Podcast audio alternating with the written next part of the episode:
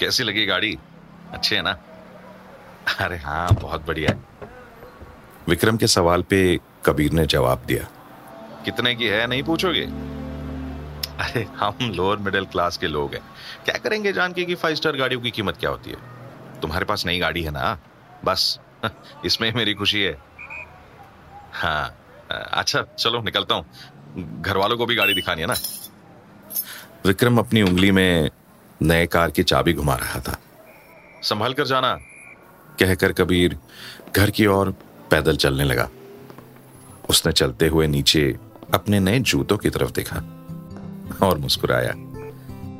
भरे बाज़ार की उस शोरगुल वाली गली में कबीर के चेहरे पर एक खूबसूरत खामोशी थी।